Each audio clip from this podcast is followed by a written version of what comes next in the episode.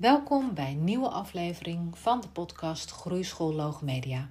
Mijn naam is Chantal Mailly, logopedist en ik vertel je van alles over logopedie, over taal, over TOS en over groei.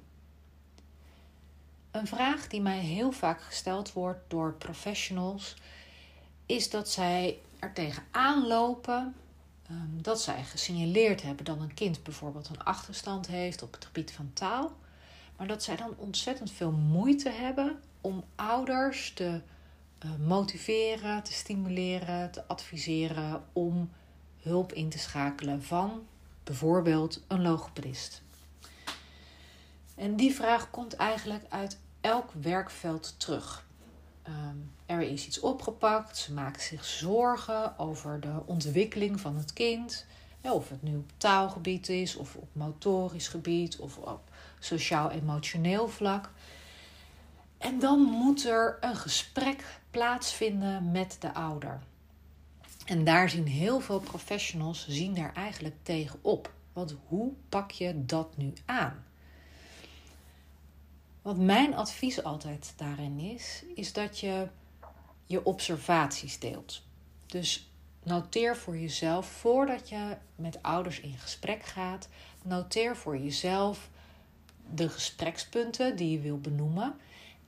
En daarbij geef je aan waar je je zorgen over maakt, dus wat de aandachtspunten zijn.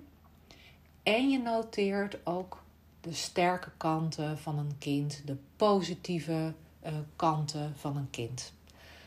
Het is voor ouders namelijk heel erg belangrijk dat er een soort balans is tijdens het gesprek tussen de zorgen die je maakt over het kind, maar ook over de kansen en de, ja, de, de positieve kanten van het kind.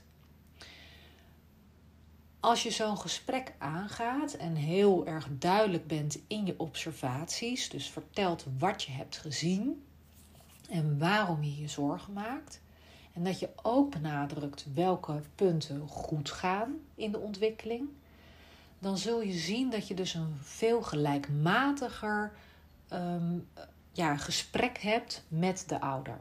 Want wanneer je alleen maar focust op wat niet goed gaat, dan strijk je uh, eigenlijk tegen de haren in van de ouders.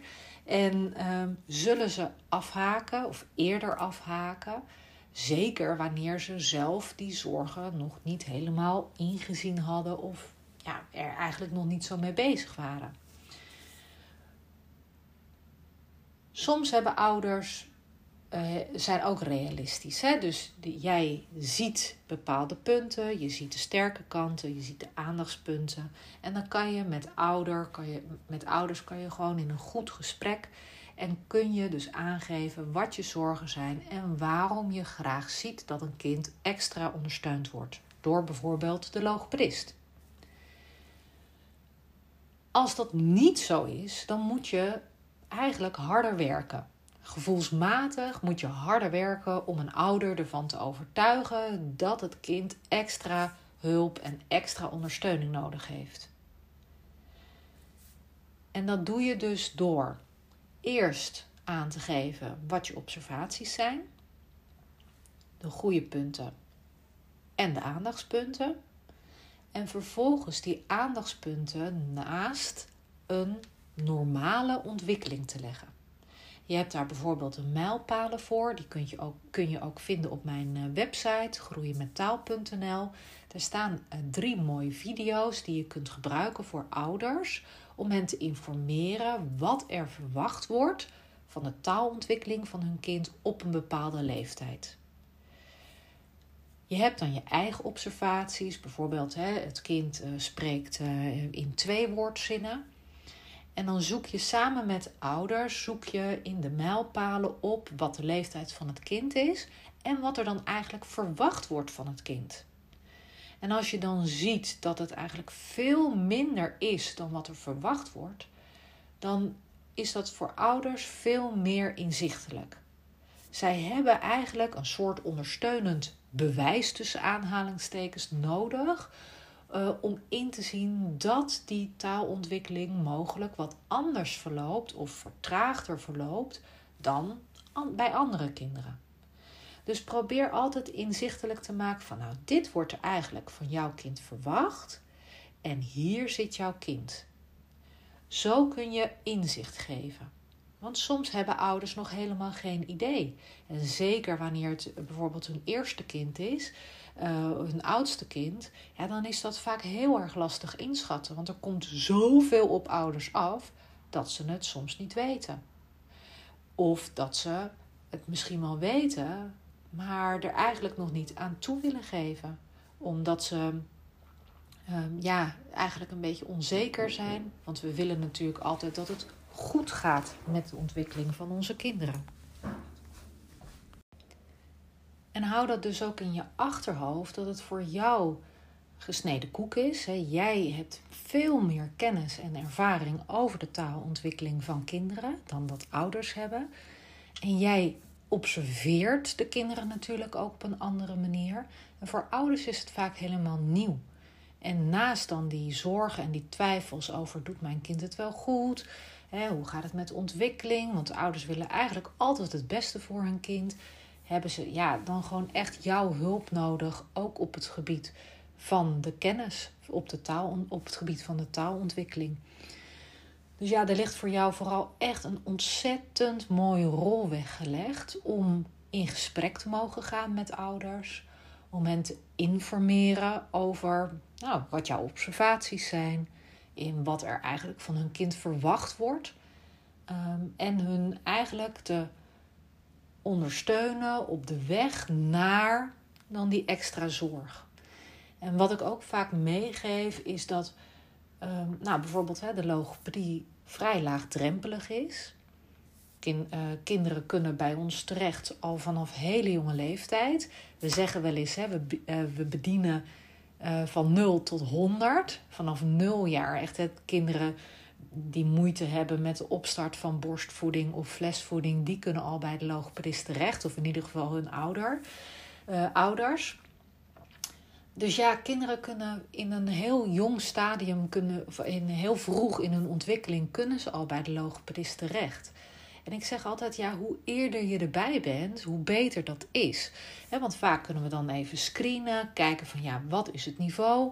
Is het op, op niveau, die taalontwikkeling? Of is er inderdaad een achterstand op het gebied van de woordenschat of het gebied van de zinsontwikkeling? Nou, dan kunnen we daar een behandeltraject op zetten.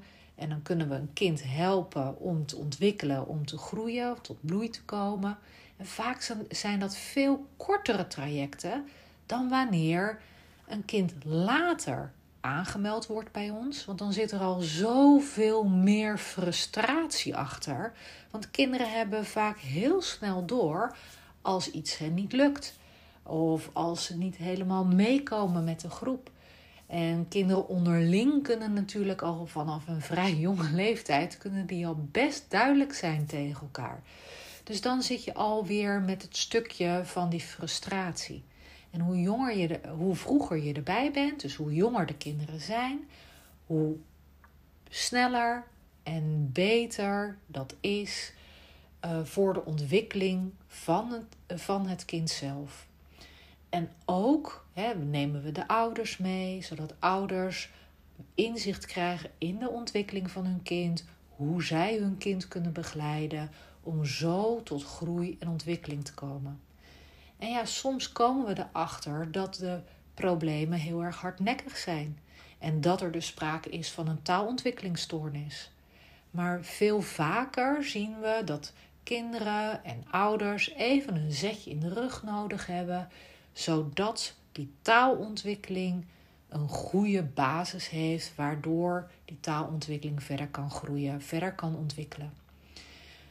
Dus, samenvattend, bespreek je observaties, de goede punten, de aandachtspunten, ehm, met ouders in gesprek. Leg uit wat de normale ontwikkeling van een kind is. En ja, geef ze ook de tijd om die stap richting de zorg te nemen. En besef ook ja, dat het best wel een ding is als er iemand iets zegt over je kind wat je eigenlijk niet zo heel graag wil horen. Wat je misschien wel weet, maar wat je niet zo graag wil horen. Dus geef ze ook de tijd. Zorg voor regelmatige gesprekken, zodat jullie samen de ontwikkeling van een kind kunnen volgen.